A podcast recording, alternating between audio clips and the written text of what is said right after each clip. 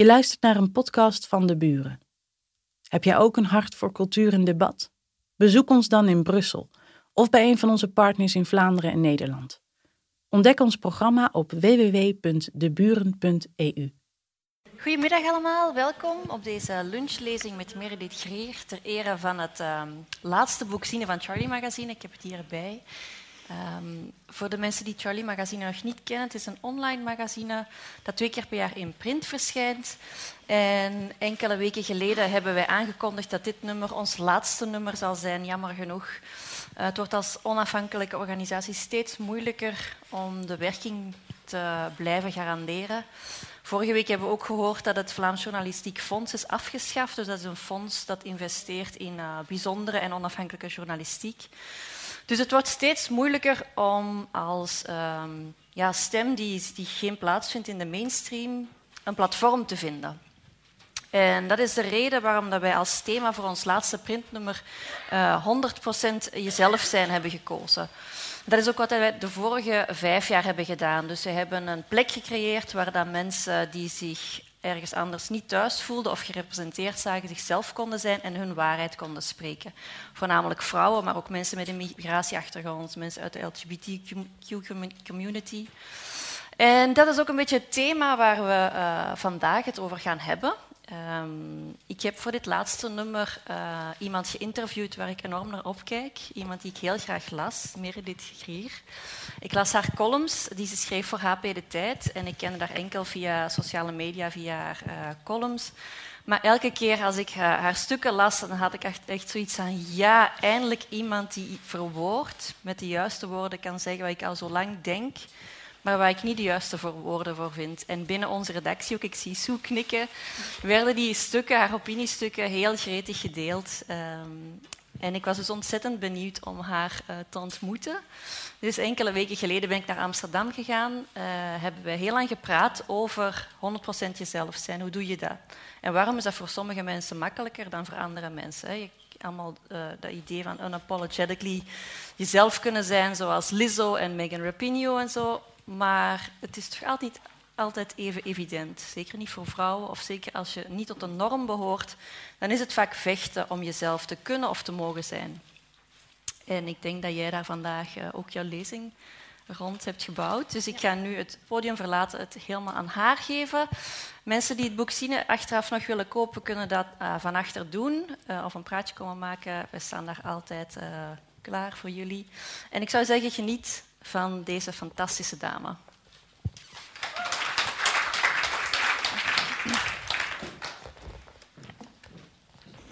Hallo, uh, wat fijn dat jullie uh, allemaal uh, gekomen zijn. Ik zou graag willen beginnen met een warm hart aan Charlie Magazine toedragen. Ik denk dat er eigenlijk heel weinig men platforms zijn op dit moment in Nederland, zowel als Vlaanderen, die uh, dit, dat geluid vertegenwoordigen. Um, dus als jullie ergens een mogelijkheid zien, support Charlie. um, tegelijkertijd, toen ik de uitnodiging kreeg om deze lezing te doen en het interview dat in het blad is gekomen, toen wilde ik eerst nee zeggen. Um, ehm, 100% jezelf zijn, of met name unapologetically jezelf zijn. Dat impliceert dat men eigenlijk in eerste instantie denkt dat je apologetically jezelf zou moeten zijn. En dat dat interessant is dat je dat niet aan het doen bent. En ik zag het al voor me dat er een grote kop staat bij dit evenement en bij het interview met 100% jezelf zijn en dan iets met een quote naast een foto van mij. En het eerste wat je dan eigenlijk doet, is aan je lezer en aan je publiek uh, ze uitnodigen om even kritisch te beoordelen of ze het er wel mee eens zijn dat ik unapologetic ben, of in ieder geval zo overkom, of concluderen dat er toch het een en ander aan mij is om sorry voor te zeggen. Het frame stelt je aanwezigheid ter discussie voordat je überhaupt je mond open hebt gedaan. En tegelijkertijd is het zo'n interessant en, en vruchtbaar onderwerp om over na te denken. Ik kan eigenlijk alleen maar vanuit mezelf spreken en zeggen: als vrouw is je lichaam nooit neutraal. Het is een afwijking van de standaardnorm. Letterlijk. Kankermedicijnen, crashtest dummies, kogelvrije vesten, alles is in deze wereld gemaakt met de standaardmens in gedachten. En dat is een man. Net zoals alle technologie en software standaard op de standaard huidskleur wordt getest, en dat is wit.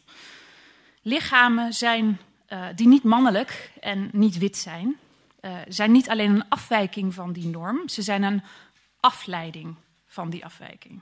Uh, een afleidende afwijking. um, en het allerbelangrijkste aan die afleiding bij vrouwen is of die gerechtvaardigd wordt door hun aantrekkelijkheid.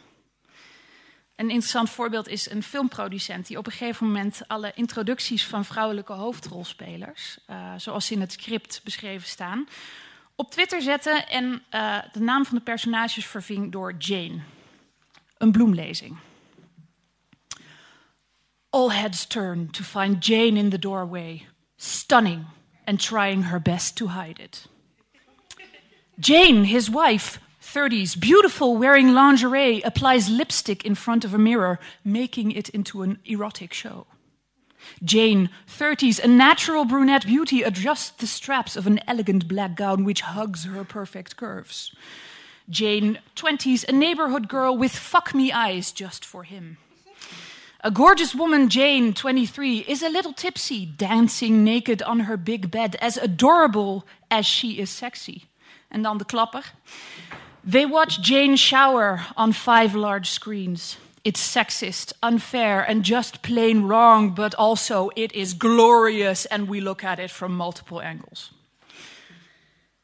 Als je een vrouw bent die iets te zeggen heeft, dan ben je, heb je niet zomaar een lichaam. Je lichaam zendt actief boodschappen uit en daar moet je maar overheen zien te schreeuwen. Je borsten dagen uit, je heupen wiegen, dan wel liegen, als we Shakira moeten geloven. Je rollen puilen, je vet drilt, je dijen donderen. Het is een wonder dat wij vrouwen ons überhaupt verstaanbaar weten te maken over alle boodschappen die onze lichamen verzenden, door überhaupt aanwezig te zijn. Er zijn verschillende tactieken uh, om hiermee om te gaan. En meestal is het een van de volgende twee. De, de missie Elliot of de Little Kim, heb ik hem maar even genoemd. Bij de missie Elliot probeer je je lichaam zo min mogelijk afleidend te laten zijn door het te bedekken en te verstoppen. En in het geval van de Little Kim omarm je de boodschappen die je lichaam, of je nu wil of niet, toch al verzendt en versterkt ze. Je maakt ze tot wapen en accepteert dan vervolgens dat dat lichaam harder schreeuwt dan jij en je maakt je lichaam onderdeel van de conversatie. Of in ieder geval het onderwerp van het gesprek. Maar de optie van een neutraal lichaam, dat niet verstopt hoeft te worden, benoemd hoeft te worden, een lichaam dat niet uit zichzelf al allerlei boodschappen en uitnodigingen de wereld instuurt, die hebben vrouwen vaak niet. Sleet probeerde als reactie op deze uh, uh, filmproducer die ik eerder aanhaalde, mannelijke personages op dezelfde manier te introduceren als vrouwelijke personages in scripts worden gedaan. Een experiment. A vision in brown robes that caress his shapely curves, Obi-Wan strides toward Luke, placing his thick, pleasure-ready fingers before Luke's eyes before revealing his supple visage beneath his hood in a rapid striptease. New Boston Globe editor Marty Barron, as quirky as he is adorable, gazes through spectacles and a fringe of sultry lashes. His muscular, feline torso is bored, poured into a fuck me button up. Nee? Waarom ik het over lichamen heb en over hun neutraliteit komt door het volgende. Er zijn een heleboel mensen die unapologetically zichzelf zijn. En van een heleboel van hen vinden we het niet inspirerend of überhaupt opmerkelijk. Het overgrote gedeelte van de mensen die unapologetically zichzelf zijn, um, zijn dat omdat het nog nooit in ze is opgekomen om ergens sorry voor te zeggen. Omdat niemand ze dat ooit heeft gevraagd. Ze nemen onbeschaamd en als vanzelfsprekend ruimte in, zelfs als die net voor hen bedoeld was. Puur omdat iedere ruimte tot nu toe voor hen toegankelijk is geweest. Dries van Langehoven en Thierry Baudet zijn unapologetically zichzelf. Ook zij nemen de volle ruimte om hun volledige, meest authentieke zelf over de media heen te manspreaden. Jezelf zijn is ruimte innemen en niet voor een ander aan de kant gaan, zelfs als dat hen meer op hun gemak zou stellen. De vraag is natuurlijk wie het recht heeft om die ruimte innemen en daar anderen mee in de weg zit. En de vraag is of het. en we gaan door. De vraag is of het terecht is als mensen hen vragen om in te binden en sorry te zeggen. Waar dit interessant wordt, is wanneer iemands gedrag ons tegen de haren instrijkt. En wanneer we het gevoel hebben dat iemand te hoog van de toren blaast, irritant is en even in moet binden. Terwijl er eigenlijk geen objectieve fatsoensnormen worden overschreden. Dus wanneer iemand publiekelijk een bepaalde hoeveelheid ruimte inneemt, die we van de ene persoon prima zouden accepteren, en van deze specifieke persoon op de een of andere manier niet. En wanneer die persoon vervolgens kiest om niet aan de kant te gaan. Soms gaat het dan over iemands karakter of gebrek daaraan, of aan iemands expertise over een bepaald onderwerp of gebrek daaraan.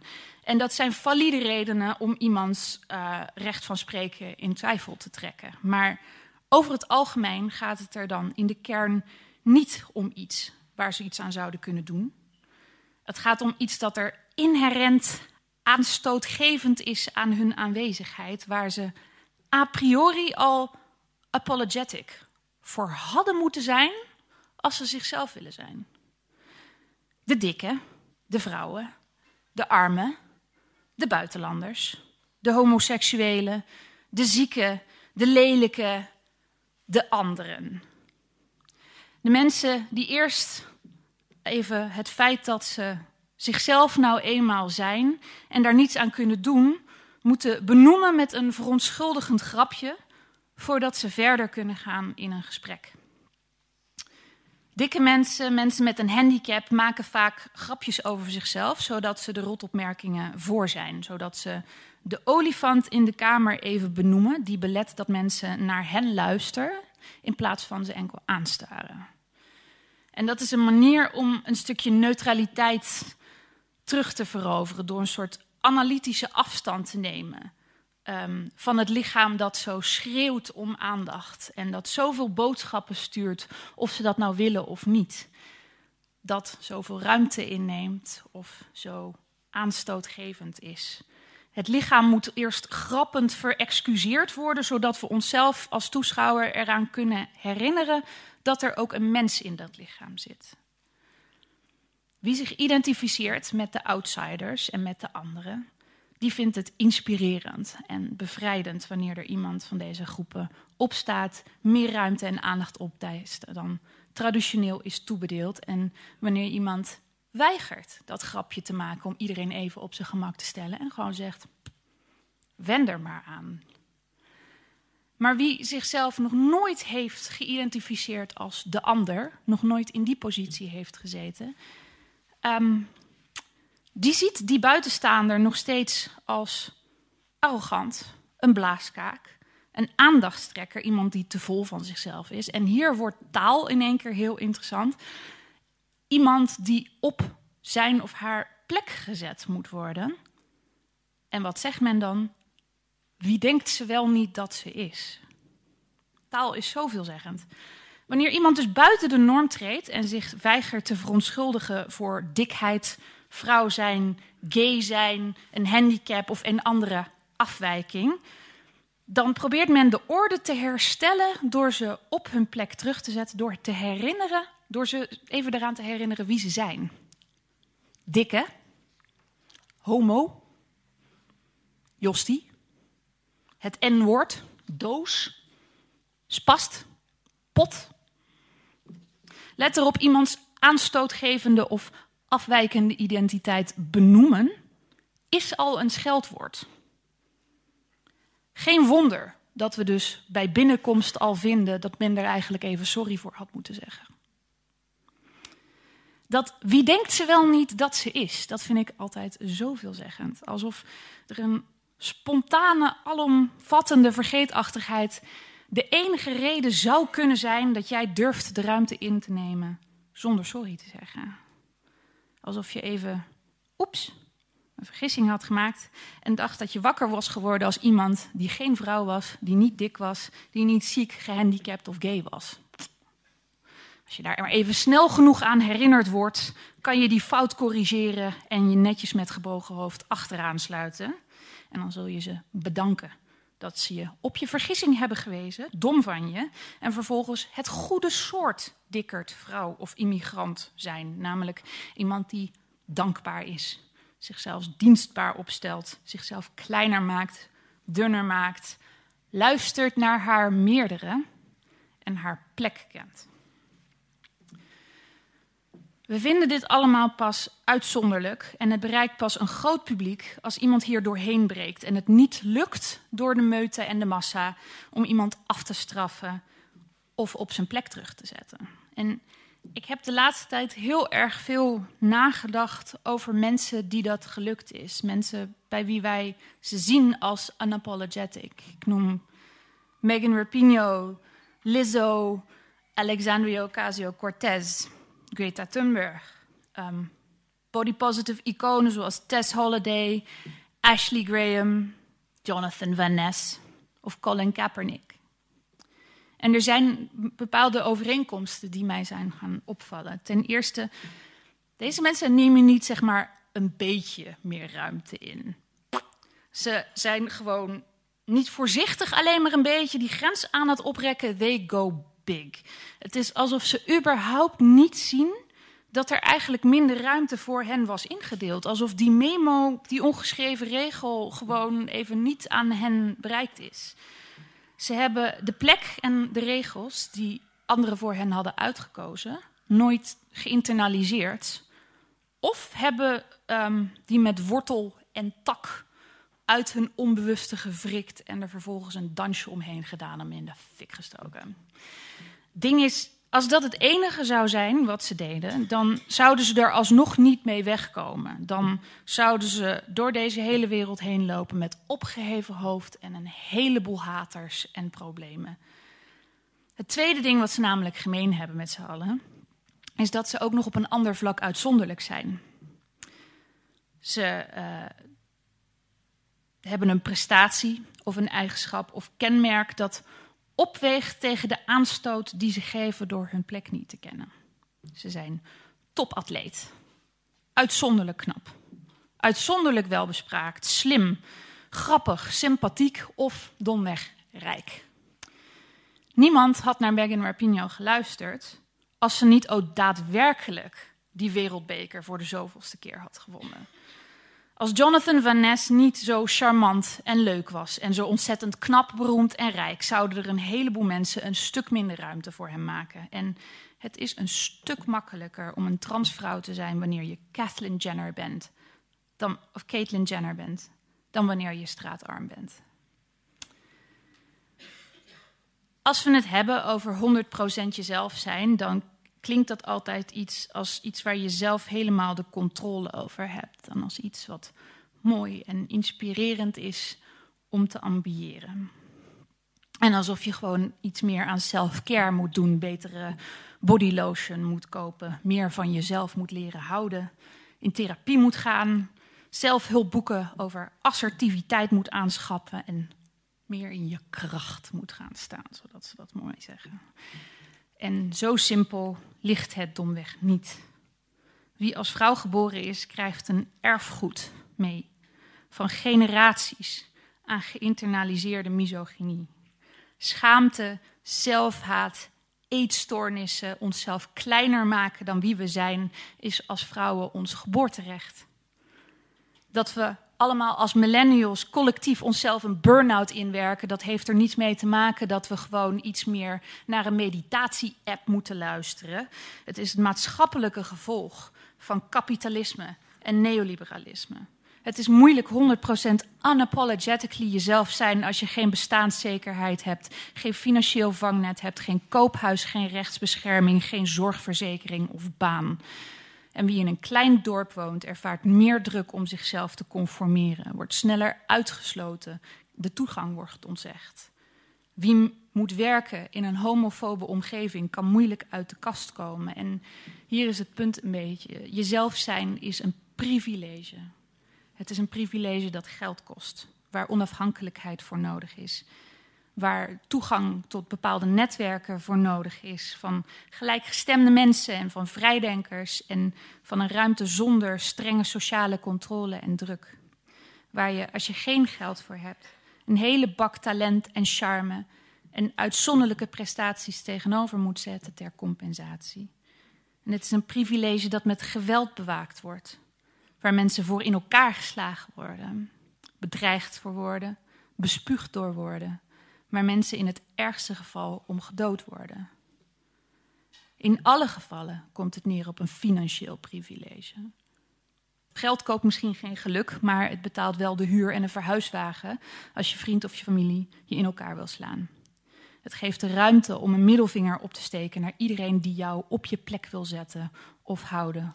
En het geeft je de mogelijkheid om jezelf uit onveilige situaties te halen. Het is uiteindelijk altijd geld dat ervoor zorgt dat je je niet zoveel van andermans mening aan hoeft te trekken, omdat je niet van hen afhankelijk bent. Dat ervoor zorgt dat je de vrijheid hebt om geen sorry te hoeven zeggen.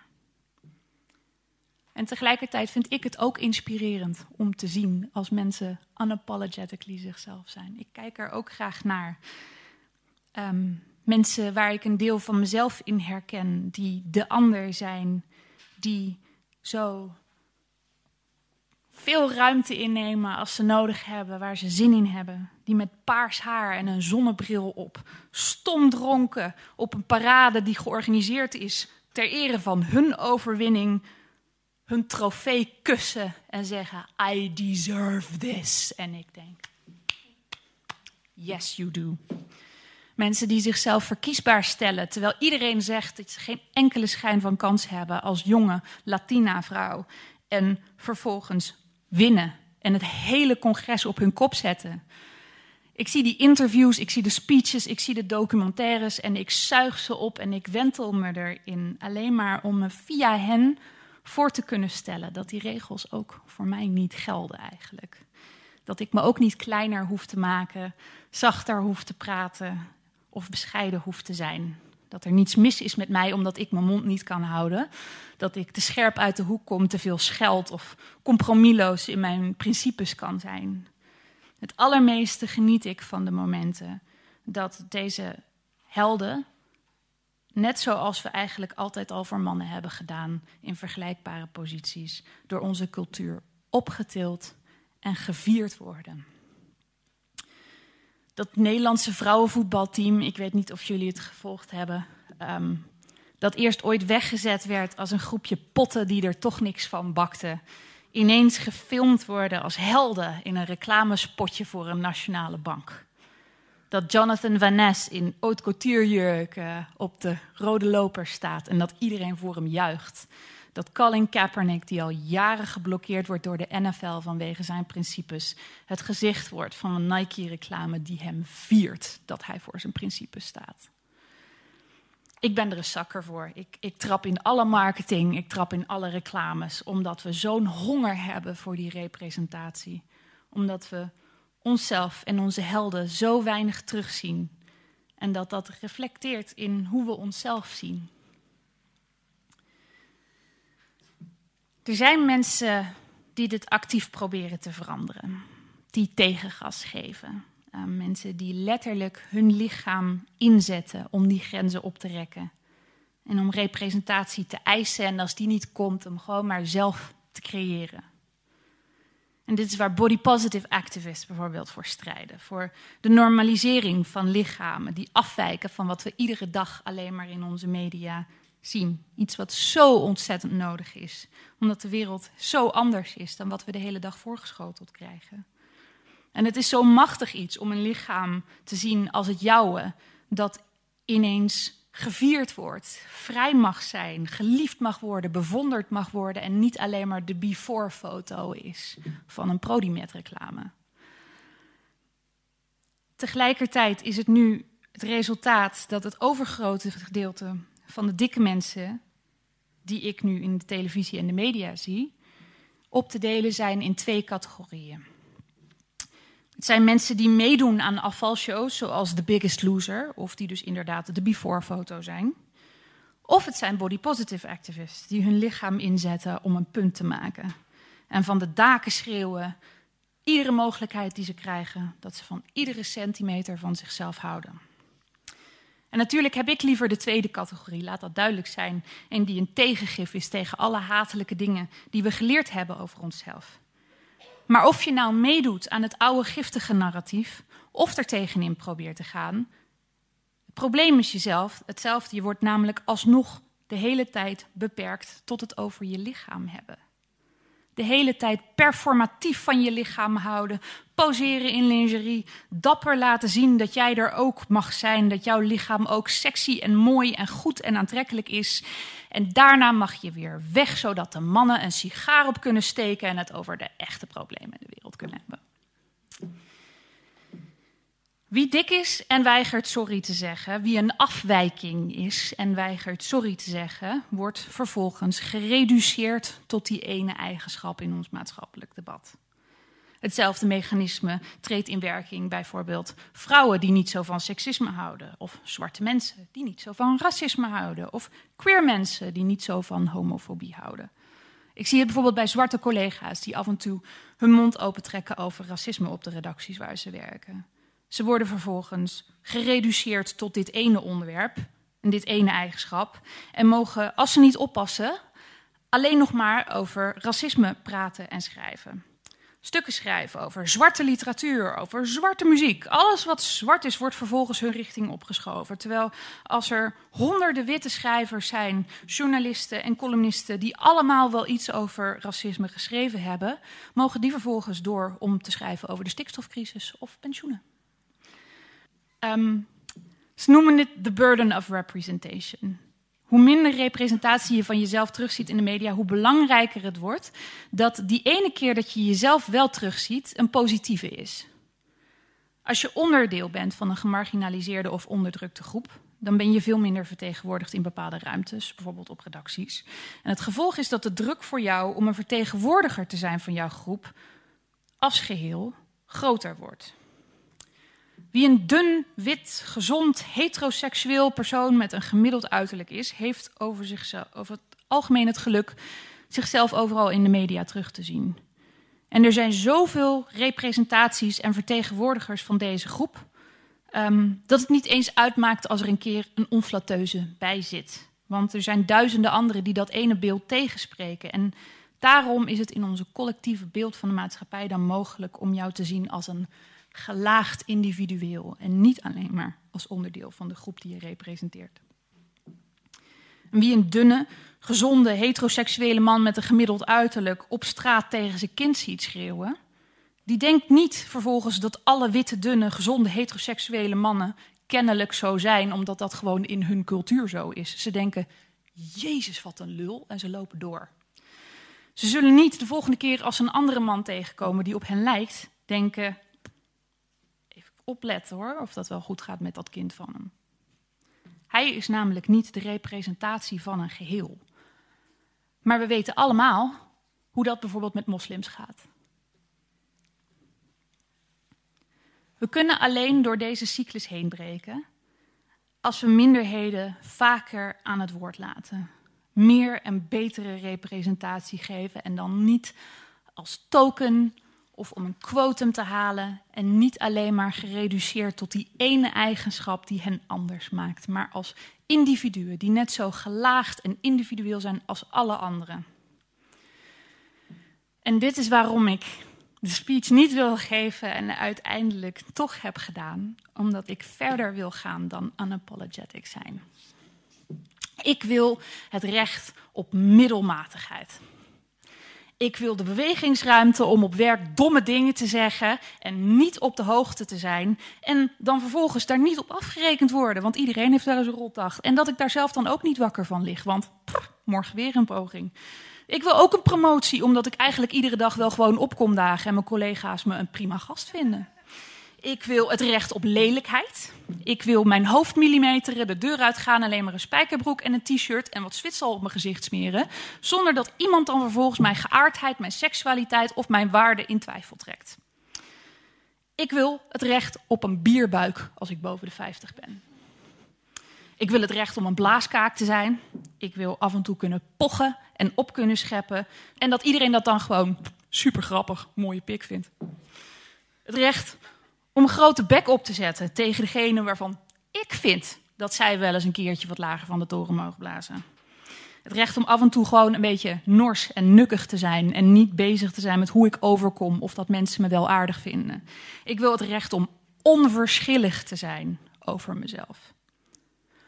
Om niet van mezelf te hoeven houden en mezelf niet te hoeven haten om niet bezig te zijn met zelfverbetering of met mindfulness, om gewoon niet bezig te zijn met wat ik eigenlijk van mezelf vind, omdat ik wel prima ben zo en omdat ik betere dingen te doen heb. Dank jullie wel.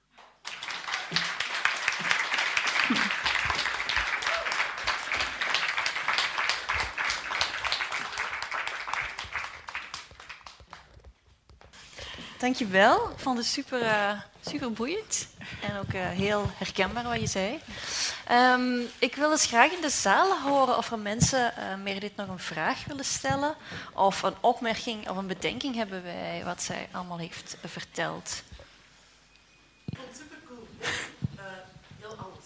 Ik wou, ik wou beginnen roepen, maar dit is beter. Oké. Okay. Um, het stuk over... even denken, hè.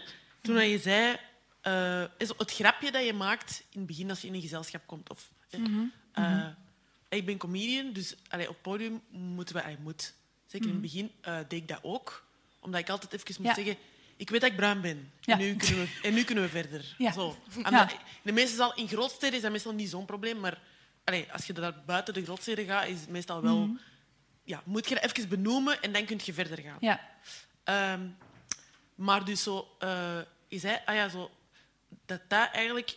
Dus je hebt langs de ene kant heb je dan de unapologetically jezelf zijn en eigenlijk met grote daden en woorden zo de cause verder helpen. Mm -hmm. En aan de andere kant heb je dan, als je het als twee extremen zou zien, uh, zo het grapjes maken en zo proberen de grens een klein beetje op te schuiven. Ja. Denk je... Ik, ik was altijd van de mening dat we allebei nodig hebben. Eens, ja. Oh, oké. Okay.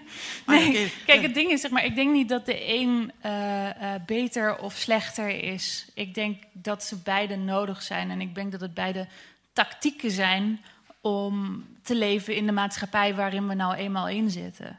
Ik denk in een ideale wereld zou jij dat grapje niet hoeven maken. Nee. En uh, dat is waar mij het om gaat. Ik vind het interessant mm -hmm. dat jij de noodzaak voelt om hem te maken. Mm -hmm. um, en um, ja, dat eigenlijk. Ja, oké. Ja. ja. Maar, maar wel grappig dat jij hem ook letterlijk zo voelt dat je hem moet maken. Omdat, ja, de, ja. de, de, het is gewoon zo als ik het. Allee, dat is ook natuurlijk een publiek is soms moeilijk om aan te voelen of zo, maar Mhm. als ik er niet iets van zeg, het werkt gewoon echt veel beter als ik het. Ja. In het begin zei ik het zelfs letterlijk, en nu maak ik zo'n mopje dat ik zo lijk op iemand anders, zo Nafitiam, zo'n Ja. uh, sportvrouw. En dan zeg ik, mensen zien het verschil toch niet. En dan, allee, dat is dan een grapje. En dan, maar de, allee, dat is wel voor heel mensen zo. Voor heel veel mensen dat is heel raar, maar bij Ja. comedy wordt dat ook gezegd.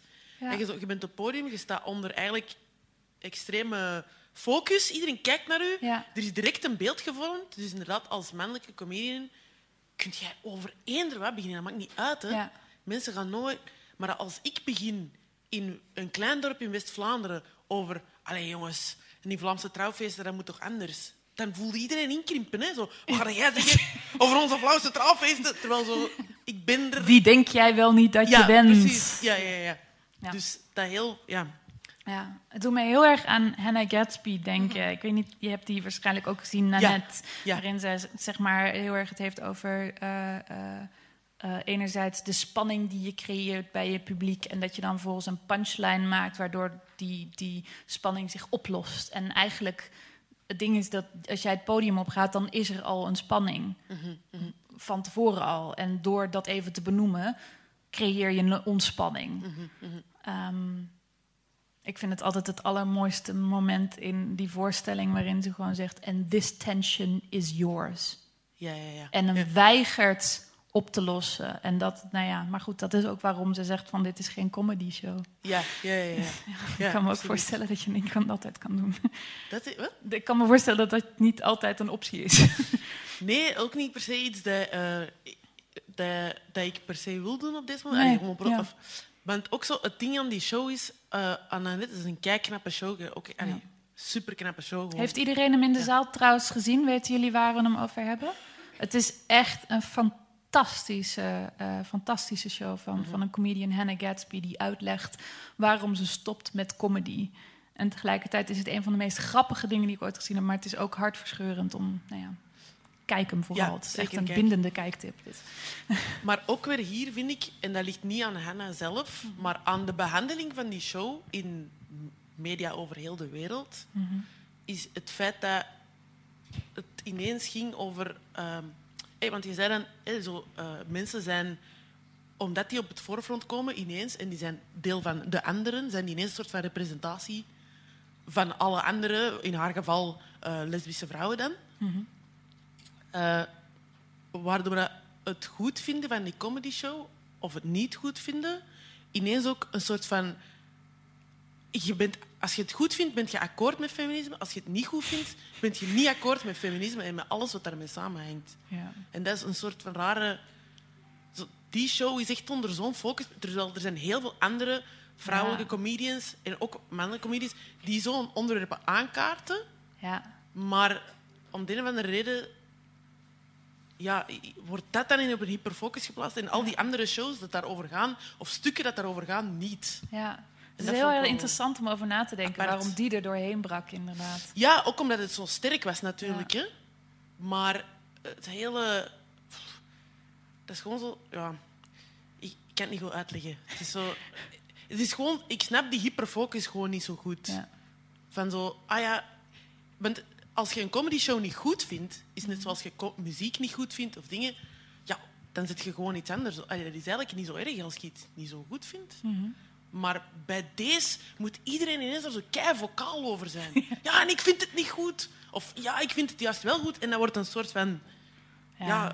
ding. Maar dat is weer dat ding van omdat er zo weinig eh, representatie is. Ja. En omdat in onze mainstream zo weinig van dit soort shows... waarin iemand die super eh, eh, butch, dik, queer, lesbian is... en daar geen sorry voor, voor zegt... Ja, ja. dat dat eigenlijk het zo, zo weinig voorkomt... dat dat dan ook weer een soort van ja, die burden of representation krijgt. En dan Mhm. moet dat ene ding moet je het met z'n allen goed vinden. Omdat er geen- niet soort van 80 van dit soort shows zijn die we allemaal met z'n allen kunnen bespreken. Ja. Dat is waar. Ik denk dat u zegt, en ik zeg dat ook, dus dat de mens de neiging heeft om andere mensen op bepaalde eigenschappen in een hokje te plaatsen en ze daarin te laden.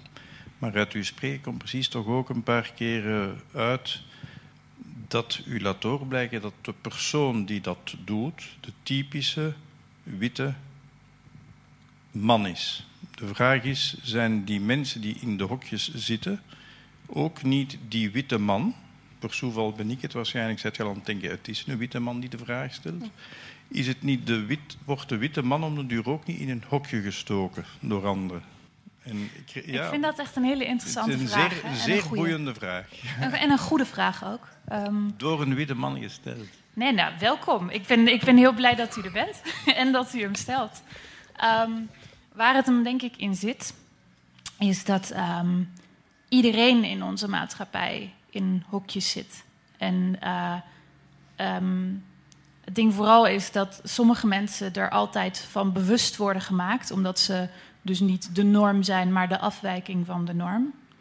En het eh, mooie aan de norm zijn, is dat je zelf vergeet dat je ook in een hokje zit. Dat je ook onderdeel bent van een groep. Dat jouw uh, aanwezigheid niet neutraal is. En wat het moeilijke is, is dat we nu eerst moeten benoemen dat iedereen in die hokjes zit voordat we ze los kunnen laten.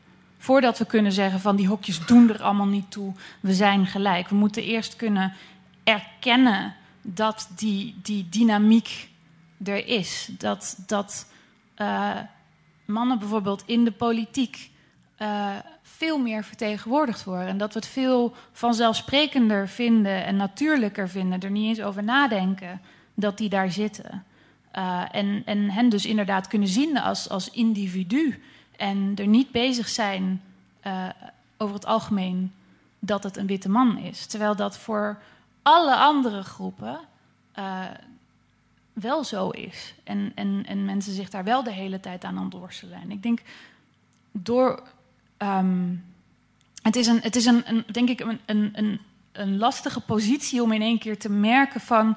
oh, ik word ook gecategoriseerd. En dat voelt eigenlijk alsof uh, je daarmee um, een stap terugzet... of dat mensen denken van, oh, je bent nu gewoon aan het terugdoen... wat je eigenlijk probeert op te lossen. Um, wat we proberen te doen, denk ik, is voor iedereen een gelijk speelveld creëren. Waarin iedereen onderdeel is van een hokje of een groep en daardoor niemand het niet meer uitmaakt. Ik weet niet of dat een, dat een antwoord is op uw vraag. Ik hoop het.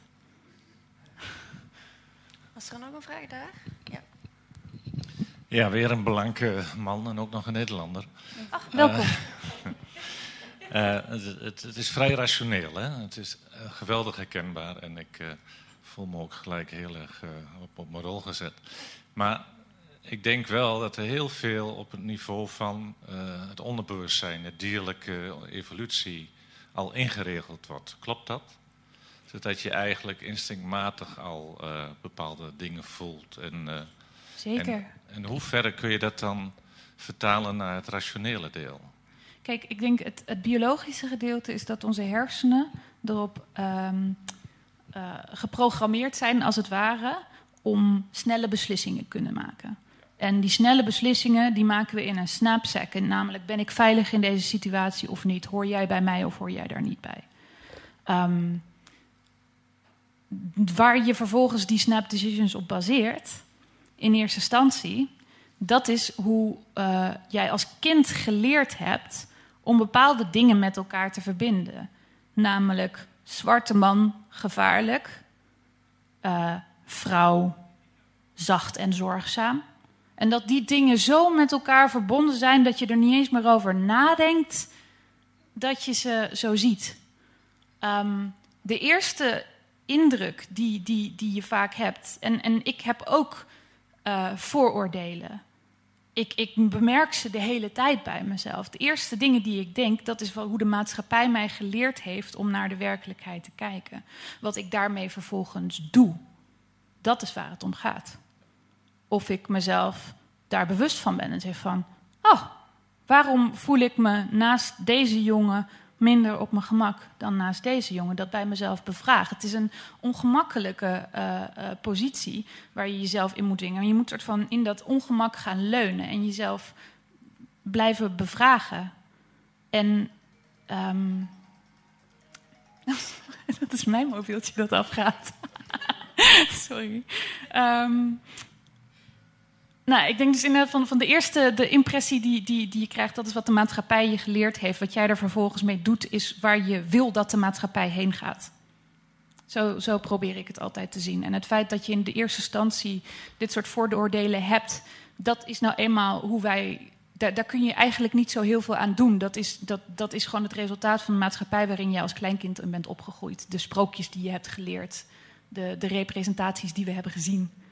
En dat is waarom ik zo hamer op die representatie. Dat het zo belangrijk is dat we uh, uh, zoveel verschillende vormen van menselijkheid zien. En dat niet alleen maar als ik één reclame zie over een zwart persoon, dat ik dan vervolgens denk van nou, dat is hoe alle zwarte mensen zijn. Dat ik een heleboel verschillende beelden heb van zwarte mensen die dat, die dat tegenspreken. Um, en overigens, ik heb niet iets tegen witte mensen of tegen mannen. Dat is misschien goed om even te benoemen. Ik, ik ben uh, uh, niet. Um, dat is niet hoe ik hierin sta. um. Nog iemand een, uh, een vraag? Um, ik herken me heel erg in wat je allemaal zegt. En um, op mijn 42ste heb ik mijn handicap verworven. En vanaf mijn iets in de twintig ben ik uh, uit de kast als holibi.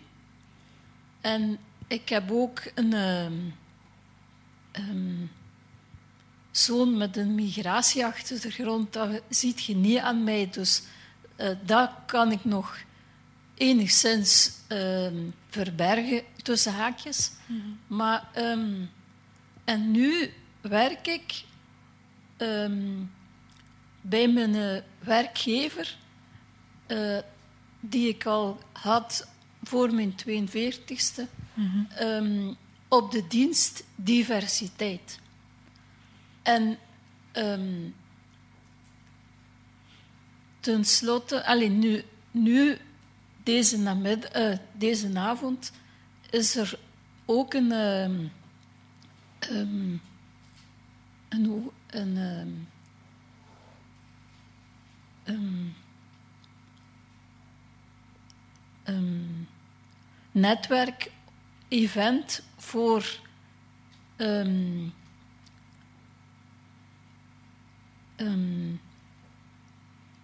holibies en transpersonen uh, op het werk. Mm -hmm. En um, dezelfde vragen die je u stelt, um, heb ik ook. Want uh, doordat ik nu um, de, op de dienst diversiteit voor eigen personeel werk, mm -hmm is dat heel gemakkelijk om mij voor van alles te laten opdraven. Hè? Ja. En, en um, daar ben ik nog niet uit um, um, wat ik daarmee moet doen. Ja, ja het, is, het is inderdaad grappig omdat dan mensen het gevoel hebben van... oké, we hebben nu een diversiteitspersoon ja. in ons bedrijf... Dus het probleem is opgelost. Het is net zoiets als de kranten die, die uh, 10, 15 jaar geleden dachten van... nou, maar dan, dan zetten we hier een webredacteur neer... en die doet dan het internet en dan is het klaar. en dat is niet hoe dit werkt. dat is niet uh, hoe onze maatschappij werkt... en niet hoe um, uh, het internet werkt of hoe onze wereld werkt. Um, het werkt pas. Natuurlijk heb je één persoon binnen een organisatie nodig die soort van het voortouw neemt. Maar um, net zoals bij die kranten moet het duidelijk zijn dat iedere journalist die werkt bij die krant zich bewust moet zijn van het internet, de mogelijkheden die het meebrengt, de beperkingen die dat meebrengt en hoe ze daarmee om moeten gaan. En, uh, inclusiviteit, het, het, meenemen van andere mensen, dat is iets waar iedereen in dat bedrijf zich mee bezig moet houden. En ik denk, u kunt daar het voortouw in nemen, maar het belangrijkste wat u kunt doen, is mensen erbij betrekken waarvan die denken dat het niet hun zaak is. Die denken dat het niet over hen gaat. Want het gaat over ons allemaal. Als je gaat hebben over bijvoorbeeld man-vrouw verhoudingen en je betrekt mannen niet in het gesprek, dan wordt het een heel eenzijdig kringetje. En dan gaan vrouwen met elkaar ruzie maken over wie de beste feminist is. Terwijl mannen aan de andere kant denken: dit gaat niet over mij. Het gaat over ons allemaal. Ja. Maar het lijkt me een uitdaging. Ja, inderdaad. Zie ik nog mensen die iets willen toevoegen? Um, ik heb een, een, een heel vraag die nu speelt, die al langer mm -hmm. speelt, maar wij zijn een organisatie met vier witte mannen. Mm -hmm. En um, wij werken rond een thema waar dat alle thema's... Allez, ik vind gewoon, er moet meer diversiteit komen. Maar wij zitten in een cultuur van vier witte mannen. Mm -hmm. En dan, mijn vraag is... We kunnen niemand gewoon aannemen van diversiteit, want voor die persoon is waarschijnlijk geen veilige context. Allee, dat is maar nog ter te vragen. De vraag is, wat is de, hoe kunnen we die transitie maken? Heb je daar tips voor? Dat is eigenlijk... Um, als ik het goed begrijp, dus je hebt een organisatie van, van, van vier witte, Waar ik werk is vier witte mannen. ja. ja. En, en die organisatie is gericht op uh, het creëren van diversiteit? Of jullie hebben andere werkzaamheden? Nee, we hebben andere werkzaamheden, okay. maar in principe allee, vind ik dat er zelf niet toe doet eigenlijk. Maar om het te kaderen is, mm -hmm. wij werken rond rechtvaardige transitie. Dus in Aha. die zin is het heel relevant. Maar ja. ik wil dat hier niet het benoemen, omdat ik het eigenlijk niet eens belangrijk vind. Nee, oké. Okay, maar het is wel relevant. We werken hier rond diversiteit, maar nee. het thema is wel rechtvaardige transitie. Iedereen meekrijgen, dus mm -hmm. well, ja. En de vraag is hoe, hoe je uh, um, een inclusievere organisatie kunt worden, zeg maar. Hoe je meer mensen bij jullie kunnen betrekken.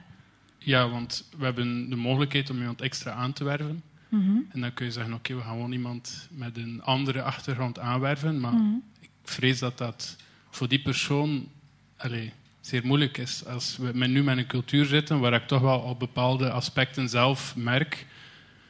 dat ik denk van, oké, okay, dat moeten we veranderen en dat moeten we veranderen. Want je mm -hmm. merkt toch dat er een bepaalde cultuur in zit. Ja. Ook naar grapjes toe, naar ja. al die dingen. En nou, ik denk eigenlijk het belangrijkste is, als jij zegt... ik ben mij ervan bewust dat die cultuur er is... Um, en er komt bijvoorbeeld een uh, persoon van kleur bij in jouw organisatie, dat die persoon niet het gevoel heeft dat hij er in zijn eentje voor staat en de hele tijd degene is die moet zeggen: Ik vind dat eigenlijk niet een leuk grapje. Het is namelijk zoveel sterker als dat van jou komt, als um, mannen onder elkaar bijvoorbeeld zouden zeggen van ja, oké, je kunt een grapje maken over uh, uh, die vrouw die daar loopt op straat, maar ik vind eigenlijk dat we op een andere manier erover moeten praten. Dat dat eigenlijk niet zo grappig is. Dat is namelijk anders. Ben, uh, maak je van die nieuwe persoon die je aanneemt, degene die de hele tijd degene moet zijn die anderen aanspreekt op hun gedrag. En dat is iets wat gewoon heel vermoeiend is.